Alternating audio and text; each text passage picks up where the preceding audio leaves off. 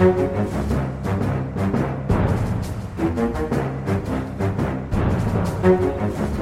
Da ønsker jeg velkommen til denne ukas Aftenpodden. Eh, Da er vi på plass i det vanlige, gode, gamle studiet vårt. Vi har ingen eh, tidligere statsledere eller internasjonale toppfolk med oss, men vi har deg, Trine Eilertsen. Jo, takk. Takk, takk. Hei. Og uh, Sara Sørheim er i Danmark eller noe sånt, men vi har deg, Andreas Sjetholm. Velkommen. Takk for det.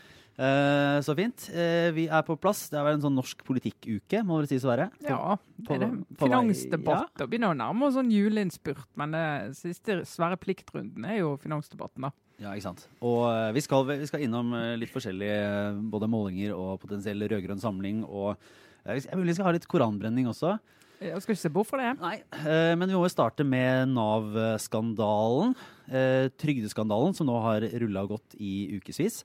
Og jeg må si at det er jo ikke en sak nå som det er veldig lett å ha full oversikt i, når man ikke leser absolutt alle sakene. Nei, det, det, er- det er jo et par som følger saken minutt for minutt. Du, Andreas, er litt sånn Nav minutt for minutt eh, ansvarlig. Du følger alt. Du, du, blar i dokumenter. Hvor mange dokumenter var det som ble oversendt fra departementet til kontrollkomiteen? Ja, mange men sider? den store oversettelsen i slutten av forrige uke var vel eh, 114 dokumenter, eller noe sånt, så det var jo nærmere 1000 sider, tror jeg. Ja. Og så tror jeg det har kommet mer etter det, men jeg merker jo også det, da, fordi jeg var veldig på i forrige uke, og så følger jeg jo med denne uken. Men det er jo det er så, det er en heltidsjobb å liksom være helt uh, Bare få med seg alt, da. For det er jo en sånn tsunami av små og store saker og spor da, som kommer opp nå i alle, alle medier, og det er uh, Alt er liksom litt Det er litt sånn, sånn gullgravere som graver i hvert sitt ende av jordet, og så finner de liksom ting overalt. Så, Men hvem finner den store åren som gjør at da, da, da, da. Rødt venter ikke på det. De har eh, stilt mistillit eh, i tidlig fase. Ja. For nå, nå er vi jo der at uh, det skyld kastes litt sånn fram og tilbake. Man lurer på hva som eh, skjedde på det tidspunktet, og hvem som visste hva når. Uh, og er, det er, eh, er det egentlig tegna seg en klar konflikt mellom Nav-sjef Sigrun Våge og eh, Anniken Hauglie, eller er, det, er de nå vel forlikt igjen? For der var det jo Det er noen spenninger. Ja, det var veldig Det var vel i forrige uke først og fremst at det var veldig tydelig, da. Og egentlig litt sånn antydninger før det, men, men det er klart at når eh, Anniken Hauglie går eh, ut i et brev til Stortingets eh, kontrollkomité og liksom indikerer at folk i Nav visste om disse straffesakene allerede i februar, og, og Nav-sjefen sier at du har misforstått dette. altså En ting er jo liksom å slumpe til å nevne det, men det er jo da i det offisielle svarbrevet til kontroll- og konstitusjonskomiteen så er det en ganske sånn uvanlig eh, hendelse i norsk politikk.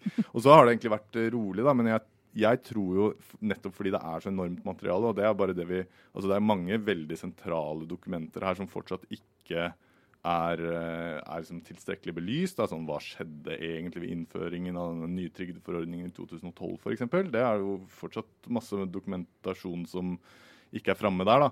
Så at jeg tror at den derre uh, skittkastingen eller sånn uh, skyldfordelingen kommer til å, det kommer til å blusse opp igjen. da.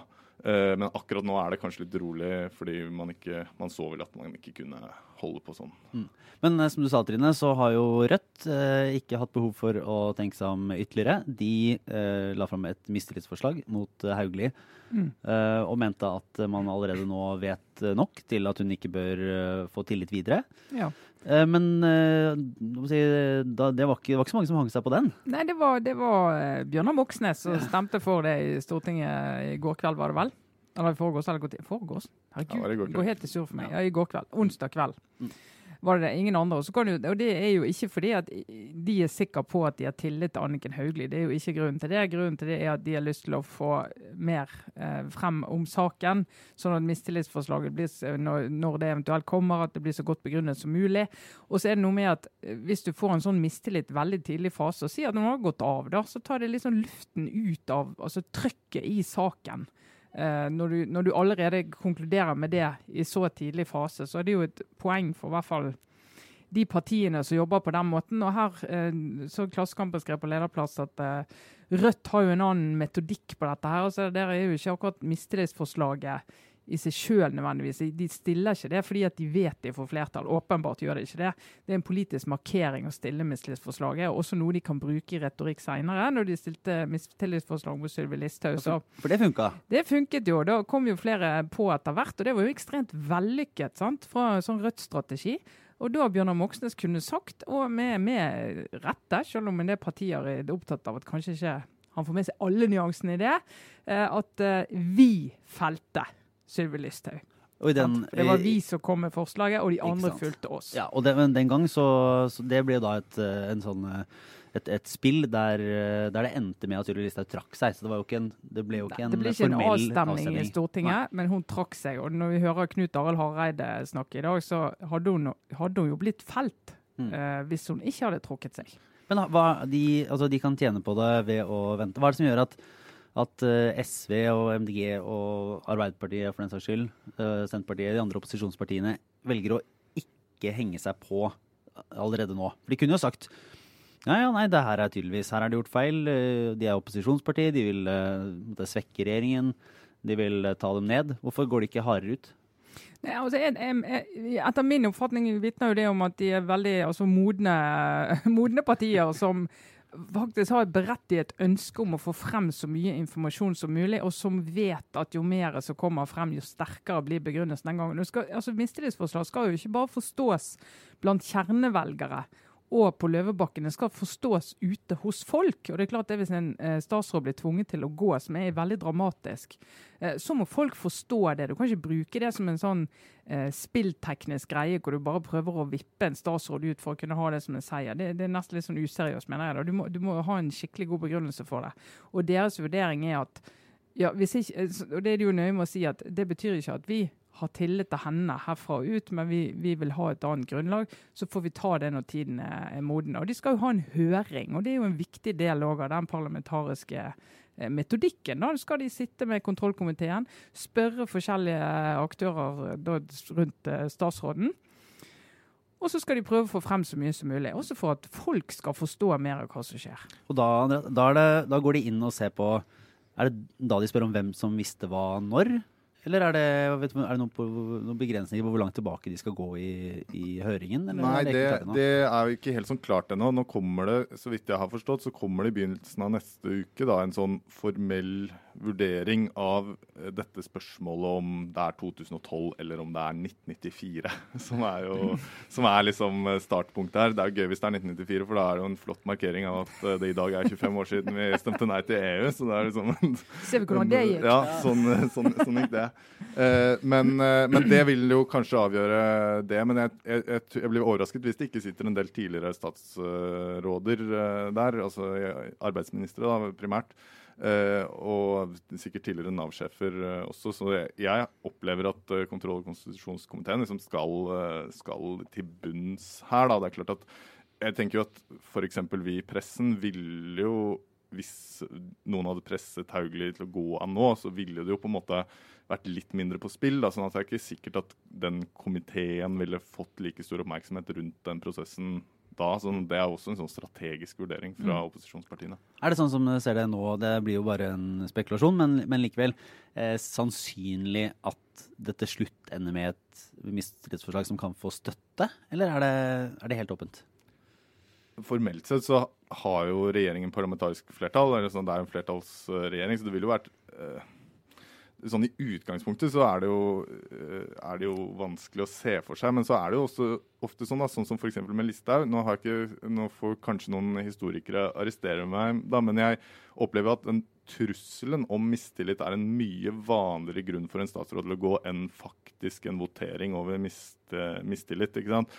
Det, det, kan være vurderinger som statsministeren uh, gjør, at nå er det grunn til å omplassere eller, eller bare gi folk avgang fordi de ser at, at om ikke det er et formelt flertall for et mistillitsforslag, så er det så mye ro og mis, nei, uro og misnøye at uh, denne skaden på en måte bare kan gjenopprettes ved å fjerne en statsråd. Jeg tror Det er ganske, altså det hender jo at statsråd har gått av på, på mistillit i norsk politisk historie, men jeg tror det veldig mye oftere har skjedd fordi altså sånn type Sylvi Listhaug, at det, det, det ligger an til, eller det kunne vært veldig nær et uh, faktisk mistillitsvotum. Men, men, det er klart at hvis Anniken Hauglie går om en måned av hensyn til familien, så er det klart det kommer til å se litt rart ut.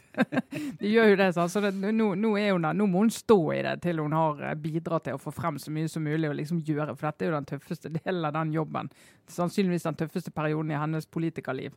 Og, og da kan du ikke midt i det komme og si at eh, nei, nå, nå, må noen andre krefter få overta, bla, bla. Men når det er ferdig, så kan du si Eh, at eh, jeg ser at for eh, dette politikkområdets skyld, så er det bedre at jeg viker. Eh, sånn at oppmerksomheten kan handle om de politiske sakene fremfor meg og min stilling. Det går fint an å si. Ik ikke uvanlig. For Nav-sjefens del så blir det jo spennende å se om, eh, om, denne, sak, om denne, prosessen er liksom avsluttet før hun uansett skal gå av med pensjon. Da. For da kan du se for deg at hun liksom stiller sin uh, stilling til rådighet uh, når hun ser hvordan alt uh, ble, og så er det allikevel bare tre uker til hun faktisk skal gå av med pensjon i mai. eller noe. Ja, så er det opp, oppsigelsestid, og du ja, vet. ja.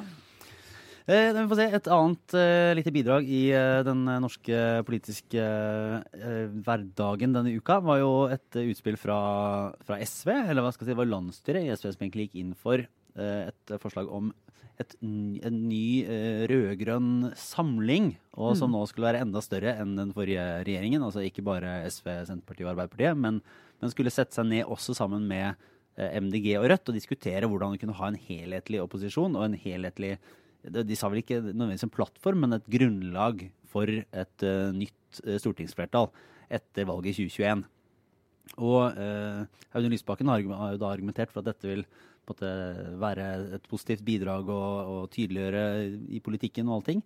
Men det var ikke sånn at det fikk noe umiddelbar støtte fra absolutt alle denne nei, uka? Nei, det er vel foreløpig fra ingen, så vidt jeg har. Sånn, eh, men, men altså, sånn sett fra SVs ståsted er jo dette veldig logisk. For i denne konstellasjonen er jo SV sentrum. Sant? De er midt i. De andre på en måte flokker seg rundt SV. sånn at hvis alle disse skal bli enige om et eller annet, så skal du, skal du se at det er ganske nært eh, SV sin politikk. Litt sånn som Høyre har hatt det i regjeringen. Eh, sånn for SV så tror jeg det der er en lysende god plan. Eh, men så er det jo for de andre, da. og det, Dette har vi jo sett eksempler på. Du har to måter å gjøre det på. Du kan gå inn og begynne å jobbe det sammen foran et valg, flere partier, sånn som de rød-grønne gjorde. De kom jo med noen punkter, og liksom partilederne viste at de snakket sammen og forberedte velgerne på at dette er en troverdig konstellasjon etter 2005-valget, hvis dere ønsker det. Eh, og det trodde velgerne på. Og da var jo vurderingen at hvis vi bare går inn én og én, så kommer vi hele tiden til å bli møtt med at ja, men det er ikke noe ordentlig alternativ. og skal virkelig eh, Arbeiderpartiet styre med andre? Så du får helt inn den samarbeidsdiskusjonen. Sånn at mm. det å få parkert en samarbeidsdiskusjon, det har verdi. Men så er det jo den andre delen av det. Så et parti som f.eks. Senterpartiet, som jo går på speed og, og flybensin oppover målingene. Fordi å nå plutselig si ja, det går kjempebra, distrikt står øverst på agendaen, vi får snakke om det hele tiden. Nå skal vi sette oss ned rundt et bord og snakke med Rødt og MDG, og så skal alle lure på hva vi er uenige om. Det er jo helt feil av de å gjøre. Så fordi, eh, så, så, og Vedum sier jo det. Vi går til valg på Senterpartiet og Arbeiderpartiet, og målingene viser jo at det kan jo bli både en flertallsregjering, det, men også kan de jo styre i mindretall og håpe at de andre finner ut av det. Ja, for Hvis man så på den målingen som vi hadde, eh, som ble gjort for oss i Aftenposten og for NRK denne uka, eh, så var det jo nye gode tall for Senterpartiet, selv om de kanskje ikke var, var helt der oppe hvor de har, har, vært tidligere. Men det var hvert fall et veldig tydelig, altså det var en veldig, veldig sterkt stortingsmandat til Arbeiderpartiet og Senterpartiet. Ja, det, det, var jo 80 eh, mandater, eh, tror jeg, for de to partiene til sammen. Man trenger jo 85 for å få flertall. De har jo vært enda høyere til sammen på noen andre målinger den siste tiden. sånn at eh, det er jo sannelig ikke langt ifra at man kan se for seg Senterpartiet og Arbeiderpartiet danne flertall alene. Uh, og det, det, da ville jeg, Hvis jeg var sånn MDG og Rødt og sånn, så ville jeg vært litt sånn følt meg litt snytt. Her har de kjempa på i, i, flere år, og så ender det opp med at Senterpartiet og Arbeiderpartiet stjeler alt. Ja, den, den ville jo vært bitter, bitter, der. Men er det sånn Det er jo fortsatt hva skal jeg si, Den balansen det ble jo også da et resultat av at si, småpartiene på rød-grønn side gjør det relativt bra, og småpartiene på borgerlig side gjør det fryktelig dårlig. Uh, er det, er, det, noe som tyder på at den balansen kommer til å vedvare, eller det, kan, de liksom, kan, de tro at det er sant? ja, Altså, det er jo ikke bare småpartiene som gjør det dårlig på borgerlig side. Også Høyre er jo nå bikka under 20% og Frp er jo utrolig misfornøyd med det nivået som de uh, ligger på. da. Og det var egentlig, Jeg skrev en kommentar eh, tidligere denne uken om den målingen, men da motivert liksom litt av å få etablert faktisk hvor dårlig det går med borgerlig side. fordi vi har snakket mye om altså Senterpartiet går bra, Arbeiderpartiet klarer ikke å kapitalisere på dette av mange årsaker, som, som jo fortsatt er veldig fascinerende. Men det at det faktisk altså, Borgerlig side i målinger nå ligger på totalt sånn mellom 50 og 60 mandater på Stortinget. De er, sånn, de er så langt unna flertall at det, det, vil jo ikke monne nesten noen ting om både Venstre og KrF på mirakuløst vis skulle oppstå over eh, sperregrensen igjen. ikke sant? Og det er jo det er jo kjempe altså, ja, det er jo, En ting er å tape dette valget. Jeg tror vel de færreste tenker at det er naturlig at en regjering uh, uten videre overlever liksom i tolv år. Men, uh, men, som det ser ut nå, så er det liksom helt uh, sjanseløst. Er, ja, det, de er ikke i nærheten engang. ikke sant? Det er utrydningstruet art, borgerlige partier. Men men det som er fascinerende, tenker jeg, for Høyres del, da, som det store partiet i dette altså nå, nå, kom valget, det var et dårlig valg. Du kan uh, peke på sentraliseringsdiskusjon, du kan peke på klima og en del andre ting. Etter det så har de levert sitt første flertallsbudsjett. Det er det første budsjettet det egentlig ikke har vært noe bråk om. De har å ha, sluppet å ha disse her forhandlingsrundene i Stortinget hvor vi lurte på holder dette eller går det ikke, som er veldig negativt for regjeringen. De klarer å få vedtatt budsjettet omtrent uendret. Null uttelling hos velgerne. Ja. Null uttelling. Det fortsetter å sige nedover. Og det hadde jeg sittet i Høyre, så hadde jeg liksom tenkt at ja, elendig valg.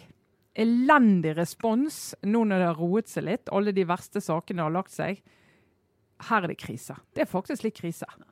Men eh, hva er det, eh, hva er, det de kan, er det noe de kan gjøre for å, for å få dette på skinnene igjen, eller er det en, en eh, hva skal man si, Hvor, hvor sånn samling i bånn mulig er det?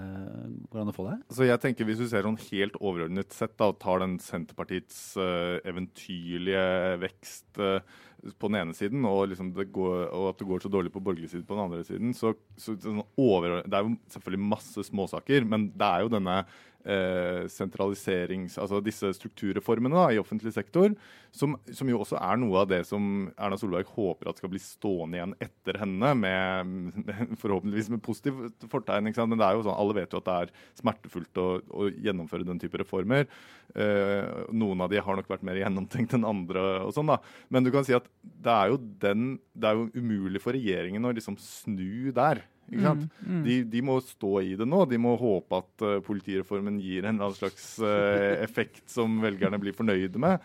Uh, men, men å liksom skulle da de, ja, de må bare fullføre på den kursen og håpe at, at stemningen snur nesten, sånn, sånn helt overordna sett. Men det er klart det er masse du kan gjøre med kommunikasjon og nye politiske initiativ på andre felt. og sånn, Men akkurat den derre at Senterpartiet flyr så høyt, mens regjeringen går så lavt, det, det, det er vanlig. Jeg, hvis jeg hadde vært liksom, rådgiver på, på borgerlig side, så hadde jeg ikke gitt noe fornuftig råd, tror jeg.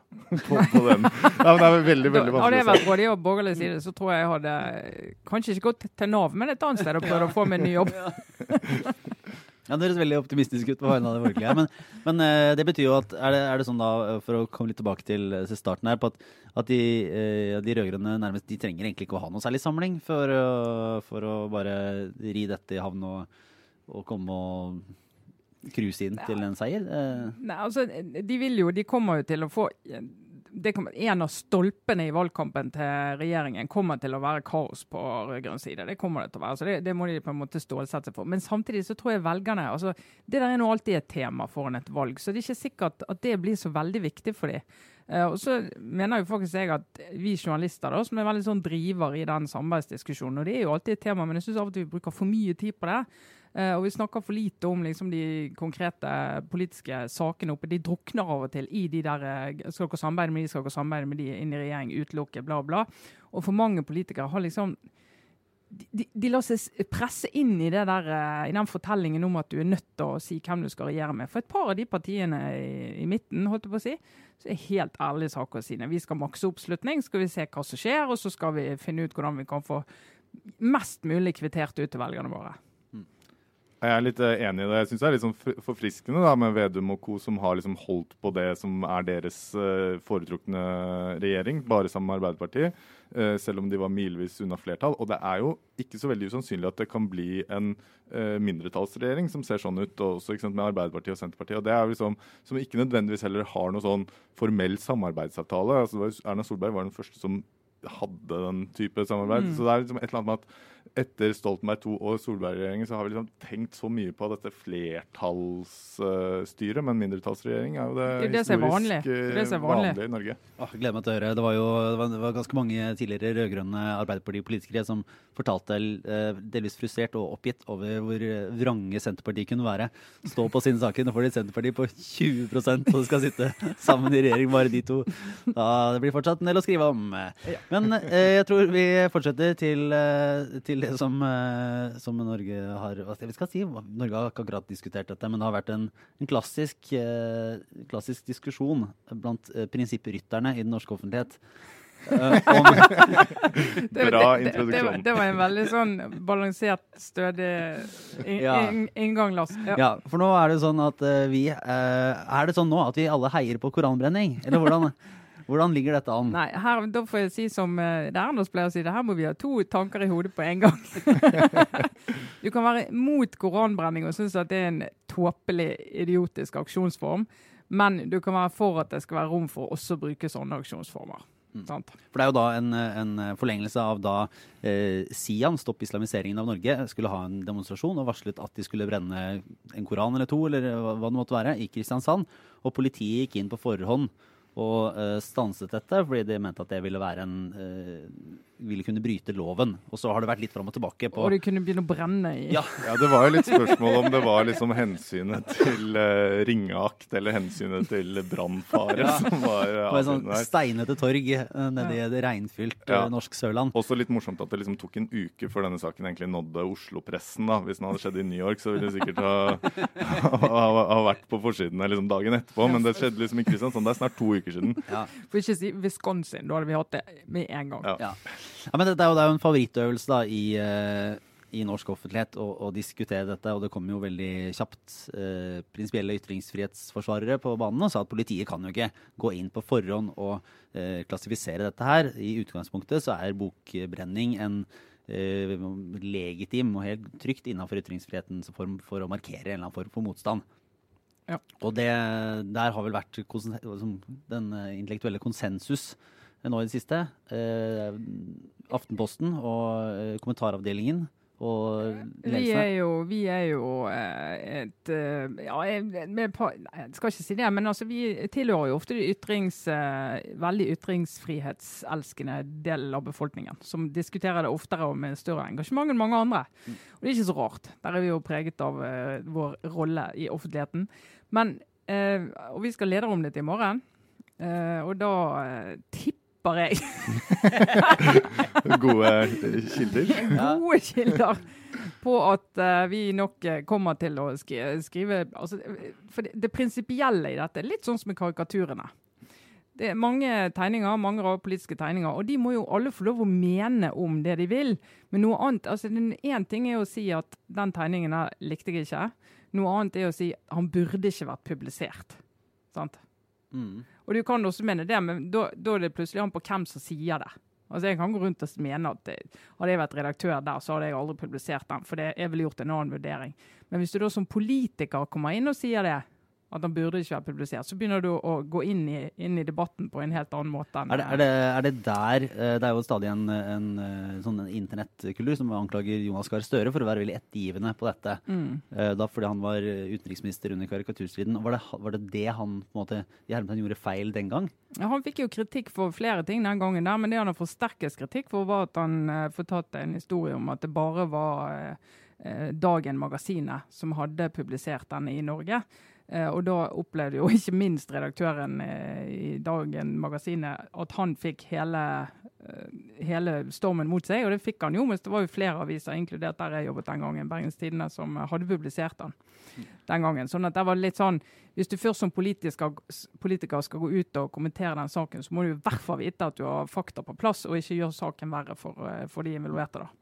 Men det er jo en parallell eh, nå, fordi det er jo denne En ting er jo hele selve den diskusjonen om hvor straff, eller hvor rammene for hatefulle ytringer skal gå, og forbudet mot forhåndssensur i Grunnloven og sånn, men det er jo den, hele denne internasjonale håndteringen som også var veldig sånn Det var jo den som var pikant for Støre.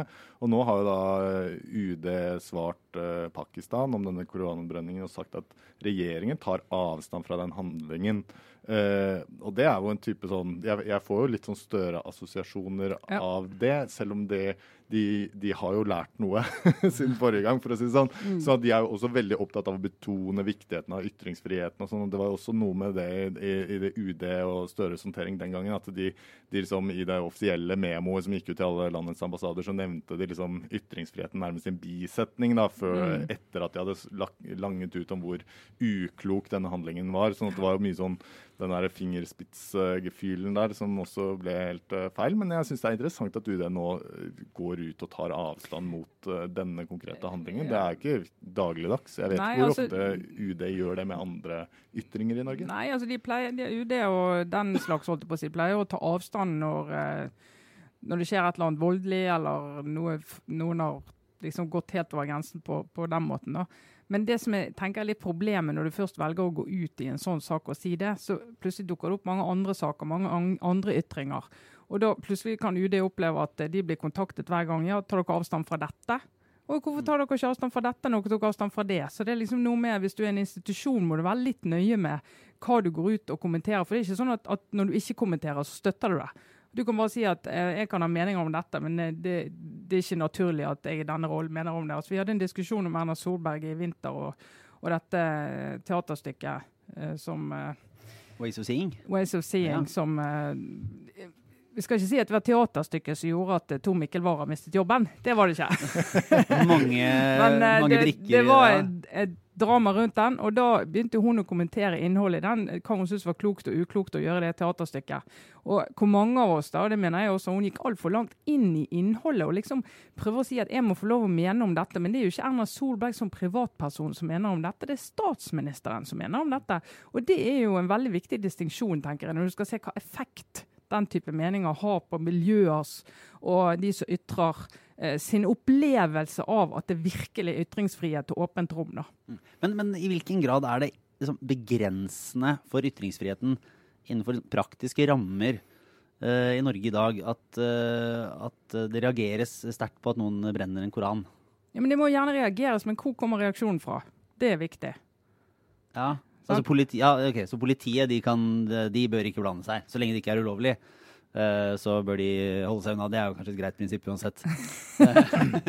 ja, nei, men Det er jo veldig få som har kritisert uh, de som har kritisert koranbrenningen. sånn type vanlige folk, da, eller det har vært noen muslimske stemmer som har ment det var uklokt. og sånne ting, Men jeg opplever at mye av den debatten internt i Norge, i hvert fall fram til når vi får denne UD-runden her, har jo dreid seg om politiets håndtering av disse spørsmålene. Og det er, sånn, det er en jevnlig debatt, da, og den gjelder jo ikke bare innenfor sånn når det handler om religion og sånne ting. Vi hadde jo den samme Eh, diskusjonen om eh, Tøyentorget. Det var vel også Sian for noen eh, måneder siden her i Oslo, hvor de hadde fått tillatelse til en markering som bydelspolitikerne hadde prøvd å, uh, forby. og Da var det også spørsmål om ikke sant, Det er sånne operative vurderinger som politiet må gjøre. Hvordan hvordan klarer du å sørge for at alle kommer til orde, uh, samtidig som du skal uh, ivareta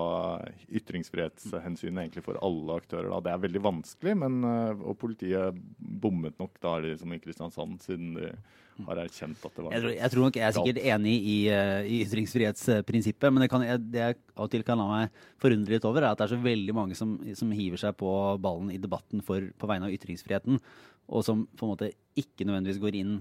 De reagerer ikke så sterkt på det som, det som tilsynelatende er relativt ondsinna eh, hets eller ja, På substansen av, av, ja, av ja. minoriteter. da. Altså, det er sånn, det er, det, noen vil mene at det er et større problem at det går eh, folk med en rasistisk agenda ut i norske gater og uh, måtte trakassere og arrangerer høyreekstreme treff, altså, som var, var, i Oslo her tidligere.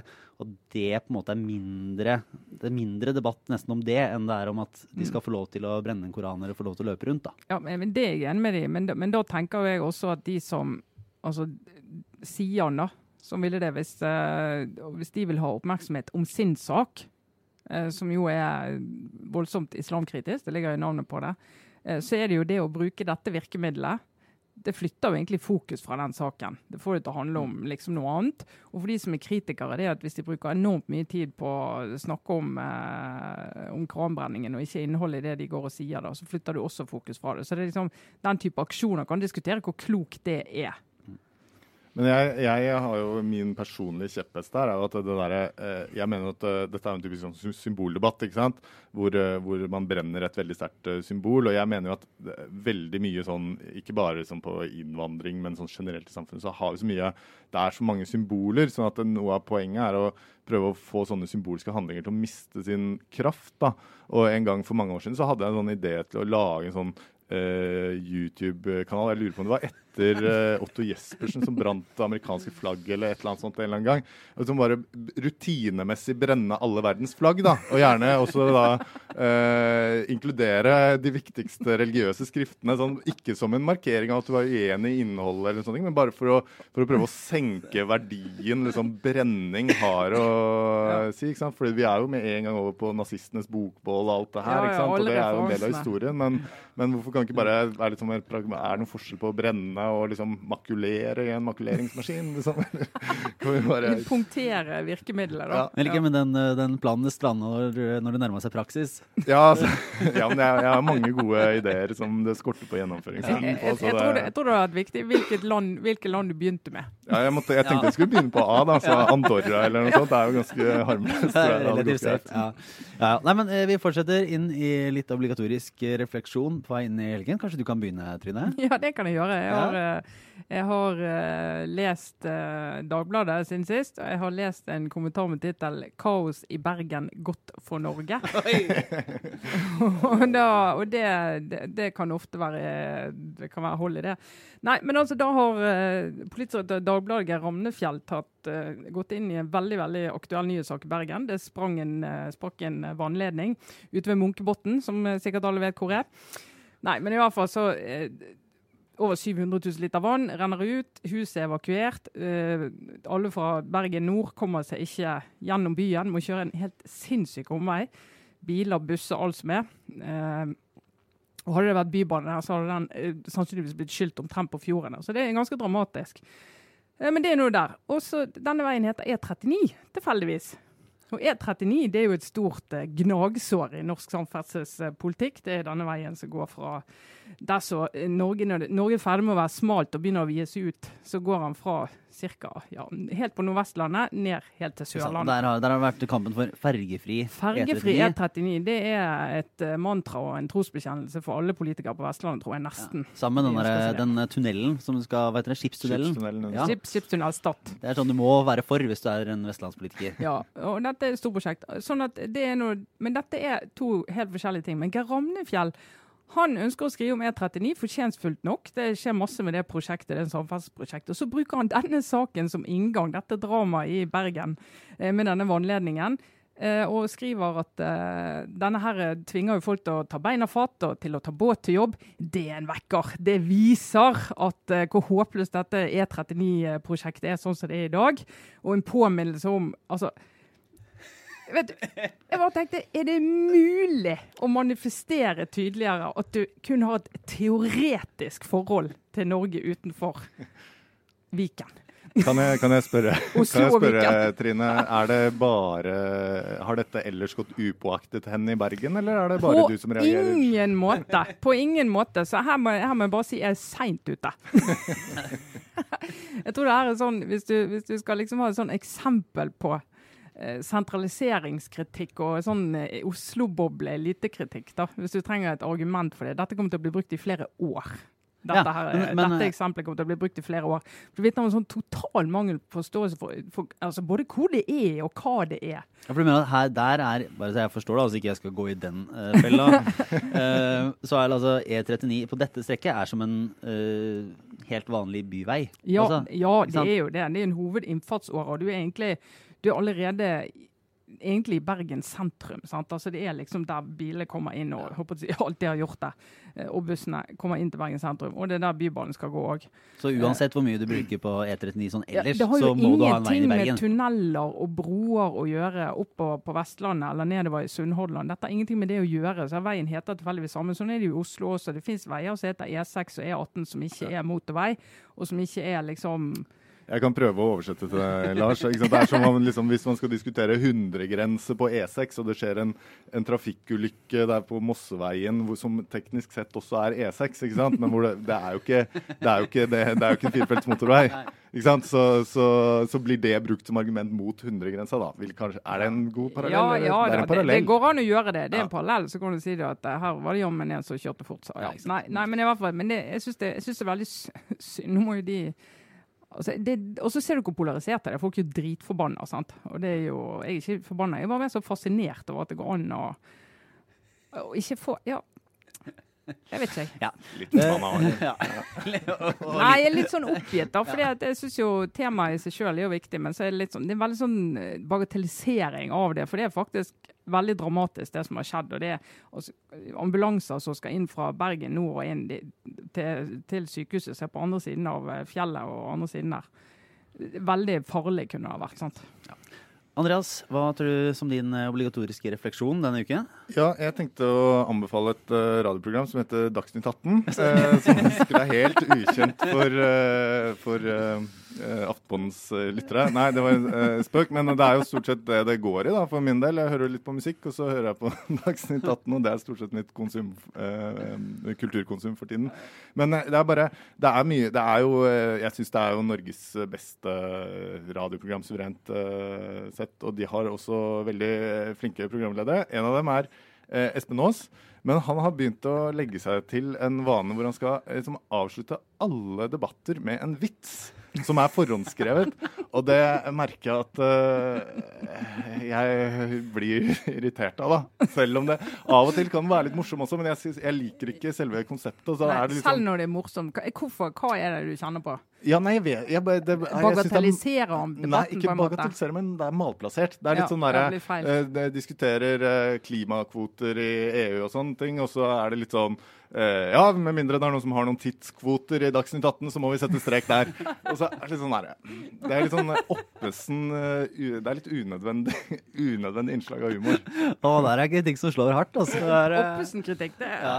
Åh, Men. Da, da er jeg, er utrolig spent på å se hvordan, eh, om, eh, om, det, om dette har en, eh, den kraft. Den, Ja, det er- denne, Om det blir slutt på det nå? Ja. Jeg bruker ja. min mikrofon ja. jeg har Til å ta tale for de svakeste. Er Ja, ja, ja. Men eh, den, eh, Apropos tale for de svakeste. det er Mitt lille oppgjør denne uka. eh, det er altså som en del av arbeidslivet, eh, og, og som en del av arbeidslivet på vei inn i, i juleforberedelsene, og ikke minst julebordene, eh, så merker jeg meg fenomenet. Eh, det finnes, altså, norske småbarnsforeldre får jo absolutt alt. Det eh, mener jeg er et faktum. Og godt er det. Ja, det kan jeg og Andreas bare nikke Ja, ja, ja, og ja. flott. Det er, staten og arbeidsgiver og allting strekker seg ut. Det en ting eh, de også får, er det julebord på torsdager. Ja. Og der, eh, der har jeg nå lagt merke til at det er stadig flere sånne torsdagsjulebord. Som da er en, en konsekvens, mener jeg, av at småbarnsforeldre har lyst til å feste og danse og drikke og holde på, men de har ikke lyst til å ofre uh, liksom å være slitne på en helgedag. Så de vil heller være litt sånn fyllesyke og slappe på en fredag når de skal være på jobb med kollegaene, enn å, å legge en eh, Altså legge festen til fredag og, og, og soving til lørdag, sånn som Ja. vanlige folk gjør. Ja, ja, nei, kjør debatt, er det det Ja. du sier nå? Ja, jeg, sier, jeg, jeg, merker eh, det, Men det har jo Sånn er denne, dette, dette myke samfunnet som vi har havna i. At Det eh, det er jo det, det som er trist, er å si at det, det, det må nesten være sånn. Fordi da Presselosjen, som jo har sitt årlige julebord, altså de stortingsjournalistene, de prøvde seg jo for et par-tre år siden på et fredagsjulebord. Og da er det jo Da møter jo ikke folk opp. Nei, det, Nei. det er helt riktig. Så jeg kan, jeg kan bekrefte altså, Men ikke helt med på vurderingen, da. Men eh, som eh, barne, barnemor, holdt jeg på å si, så, så er også, barnebrud, ja. vil jo helst at alle sånne jobbting skal foregå, eh, hvis det er etter arbeidstid, mandag til torsdag. Altså fredag da er veldig sånn sterk følelse av at da det er familietid. Så hvis du liksom skal dedikere en fredag til et eller annet som har med jobb å gjøre, når du har barn, da, det, det er et eller annet sånt som jeg tror sitter veldig sterkt i. Eh, Pluss at å være bakfull i helgen og sånn er ikke sånn veldig ok bedre, heller. Når du, bedre å være på jobb? når du uansett må opp klokka seks. Nei, men det andre er jo at eh, jeg merker jo at eh, journalister har jo endret seg veldig mye de 20 årene, og ikke minst jeg sjøl, da. Åpenbart. så da generaliserer jeg litt på grunnlag av det. Nei, men Back in the day så var det jo mye mer sånn festkultur i, i journalistikken. Og var mye mer kveldsvakter. Mange flere som gikk kveldsvakter. Vi jobbet seinere, deadline var seinere. Alle gikk ut på kveldene. Eh, Og vi hadde en helt annen sånn festkultur. Eh, Og julebord var en naturlig fortsettelse av eh, fredagspils og alt som var. Mens nå er jo altså, journalister akkurat som alle andre folk. Henter i barnehage, holder på med tidsklemmer, trener og jogger og holder liksom på. Så det er liksom blitt en helt annen livsstil i yrket. Da. Så jeg tror faktisk at julebordene er mye mindre heftig nå enn de var for 15 år siden. Ja, for tenker du, Er det liksom en del av kritikken også at eh, julebordene blir kjedeligere når de er på torsdager? Nei, Eller? Du mener jo at folk fester like mye, men de vil ikke være bakfull på jobb? ikke ja, det du mener? ja, det er jo på en måte en kombinasjon. For jeg tenker jo også at det ligger litt i bakhuet på folk at eh, det håper jeg at de skal jo på jobb dagen etter. Så det er ikke så Det er ikke så, gjør ikke noe. Nei, det er, det er, jeg, kanskje logikken min eh, svikter litt der, da. Fordi, men jeg tror det blir litt, eh, litt tammere også. jeg, ja, for jeg kan huske noen julebord i Aftenposten som jeg tror må ha vært på en fredag. For å si det sånn. Det var jo det, ja. Det var jo, det var jo et eh, le- legendarisk et for en, eh, fire-fem år siden, som var ute på Fornebu. Der, uh, nå skal jeg nå, Det her kan høres litt sånn klasseforakt ut, uh, men da var det Aftenposten er jo et, altså et stort eh, selskap. Og da var det interessant å se den kulturkonflikten når det kom når det var alt av, sånne, alt av bud og eh, Markedsavdelingen, markedsavdelingen og salgs. Og, og særlig det var litt fascinerende å se så kom sånne som folk altså, Gå med avisa, da. Som var eh, 19 år. Som var på samme fest som, eh, som eh, alle godt voksne og helt eh, mulig. Og da, men da, det var på en fredag, for da ble det ordentlig liv. Da, tror jeg det var, da ble det slåsskamp. Det var slåsskamper på dansegulvet, og det var jo Jeg tror det var faktisk eh, noen som ble ikke fikk fortsette sitt engasjement i Aftenposten etter, etter, på mandagen etterpå, liksom. Eh, så, men det, altså, det, var sannsynligvis på en fredag, og eh, markedsavdelingen var med. Det er to, to parametere som, som spiller inn, tenker jeg da. så mer mener at det kan være et argument for eller mot min posisjon eh, i akkurat eh, dette. Ja, jeg vil bare si at jeg var ikke der. Eh, det- da tror jeg vi takker for oss. Eh, så oppfordrer vi jo eh, folk som er eh, basert i Trondheim og rundt der, til å komme på vår livepodkast 15.1. Eh, der er det billetter ute og ting, så vi får annonsere for det. Eh, det ligger ute på Facebook-gruppa. Eh, og ellers så får vi plass i julestria til noen podkaster til, så vi er tilbake neste uke. Det var Trine Eilertsen, Andreas Slettholm og jeg, Lars Lomnes. Ha det bra.